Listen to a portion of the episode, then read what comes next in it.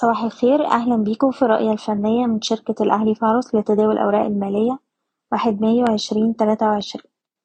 في جلسة امبارح المؤشر قفل على تراجع عند مستوى سبعتاشر ألف ستمية سبعة وستين نقطة رغم التراجعات إلا أن الإغلاق الشهري جاء في المنطقة الخضراء. المؤشر مازال بيواجه مستوى مقاومته سبعتاشر ألف سبعمية أربعة وستين نقطة وكان في محاولة لاختراقه وصلنا امبارح لمستوى التمنتاشر ألف مية اتنين وأربعين نقطة وده أعلى مستوى من إبريل ألفين وتمنتاشر إلا إنه واجه من عنده بعض الضغوط البيعية وفقد جميع المكاسب بتاعته ومأكدش كسر اختراق المقاومة. تزامن ده مع وصول كتير من الأسهم القيادية لمستويات مقاومة هامة بعد صعود قوي متتالي خلال الفترة اللي فاتت.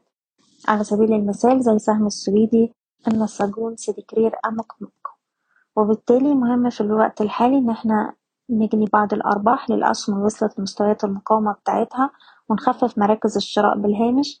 الناس اللي عايزة تحتفظ تقدر ترفع مستوى حماية الأرباح لأقرب دعم حسب كل سهم على حدة.